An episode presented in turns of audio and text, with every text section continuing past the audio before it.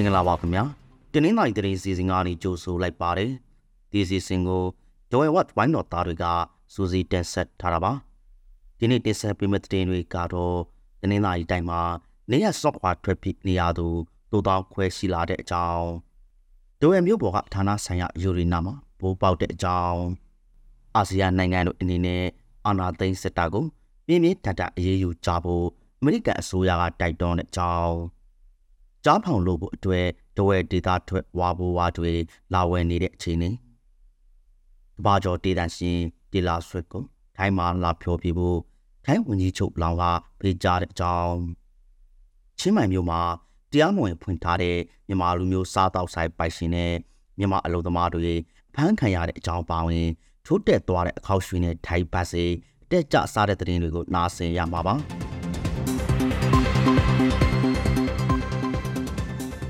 ဇွန်လအတွင်းဖြစ်ခဲ့တဲ့တိုက်ပွဲတွေကြောင့်တနင်္လာရီတိုင်းမှာနေရစွန့်ခွာထွက်ပြေးခဲ့ရသူတထောင်ကျော်ထပ်တိုးလာပါတယ်။ဒါကြောင့်မို့တိုက်ထဲမှာစေဘေးရှောက်အရေးအတွက်ကစုစုပေါင်းတိုးတောက်ခွဲအထိရှိလာပြီလို့ FE5 တနင်္လာရီရဲ့လစဉ်ထုတ်ပြန်ချက်အရသိရပါတယ်။ FE5 တနင်္လာရီဟာတနင်္လာရီတိုင်းထဲပြိပခအခြေအနေတွင်အရာသားတွေပေါ်ကျူးလွန်မှုတွေအရေးကြီးတဲ့လူမှုစီးပွားအဖြစ်ပြက်တွေစစ်ပွဲနဲ့စစ်ဘေးရှောက်အခြေအနေတွေကိုသူတည်တနာပြုပြီးလစဉ်အစီရင်ခံစာထုတ်ပြန်နေတာပါပြီးခဲ့တဲ့ဧပြီလနဲ့မေလကတင်းနာရီတိုက်တဲ့စစ်ဘေးရှောင်3400ကျော်ရှိတယ်လို့ဆိုပါတယ်တဲချောင်းမြို့နယ်မှာစစ်ကောင်စီကစစ်ကြောင်းထိုးဝင်ရောက်ခဲ့ပြီးအရာသားတွေကိုအန်စီတပ်ဖြတ်တာနေမိရှုတာတို့ကြောင့်စစ်ဘေးရှောင်အရေးတွေတောင်းချီရှိခဲ့ပြီးတချို့ကနေရပြန်သွားကြပြီလို့ဆိုပါတယ်။နောင်လုံးမြို့နယ်တဲကအောက်ကျော်ညောပြင်းကျော်ပြင်းကျမတ်တရွာရှိ ဒေသခံ9000လောက်ကစစ်ဘေးရှောင်နေရဆဲဖြစ်တယ်လို့ဆိုပါတယ်။စစ်ဝချိုရေးကြီးညာခံထားရတဲ့ဘလော်နဲ့တင်းင်းသားမျိုးနယ်မှာတိုက်ပွဲတွေခက်ဆစ်စိတ်ဖြစ်နေတာကြောင့်နေရဆော့ဖာရသူ19000ကျော်ရှိခဲ့တယ်လို့ဆိုပါတယ်။စစ်ကောင်စီကဆန်ရိတ်ခါနဲ့စေဝါတည်ယူခွင့်ကတ်တ်ထားလို့မိုးရာသီမှာစာနတ်ရိတ်ခါအမုတ်ကာနဲ့စေဝါအကူအညီတွေပုံမလိုအပ်နေတယ်လို့ဆိုပါတယ်။ ဒါကြောင့်မို့တင်းနှင်းနာရီတိုက်တဲ့ကဆေးဘေးရှောင်းတွေကိုအကူအညီပေးနေတဲ့အဖွဲ့တွေကဝတန်အိုးအတွက်ဆန်စုဖို့ကမ်ပိန်းလုပ်ပြီးဆေးဘေးရှောင်းတွေအတွက်အလှူခံနေပါတယ်။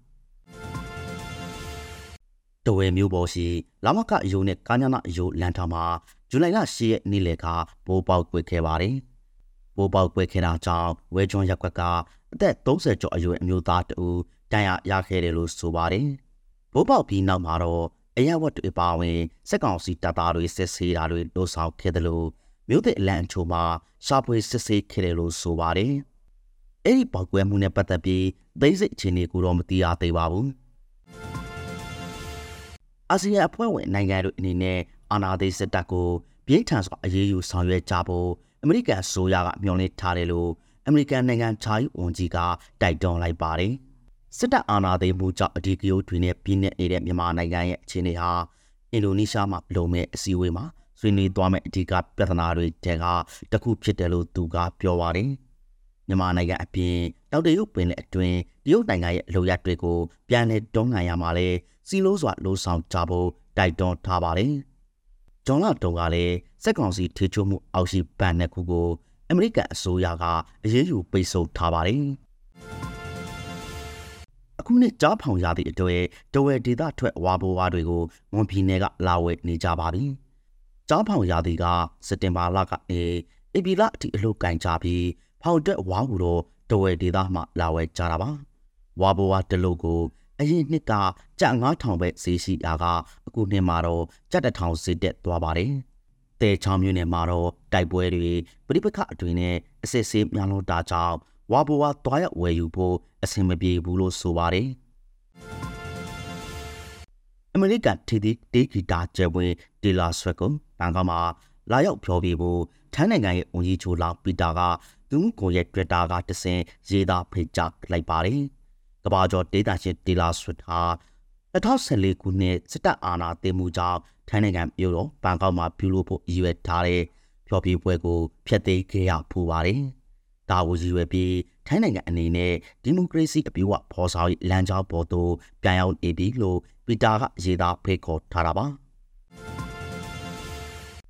ထိုင်းနိုင်ငံချင်းမိုင်မြို့မှာတရားမဝင်ဖွင့်လှစ်ရောင်းချနေတဲ့မြန်မာလူမျိုးစားတော့ဆိုင်ပိုင်ရှင်တူနဲ့မြန်မာအလုပ်သမား10ဦးကိုထိုင်းအာဏာပိုင်တွေကဂျွန်လ6ရက်နေ့မှာဖမ်းဆီးလိုက်ပါတယ်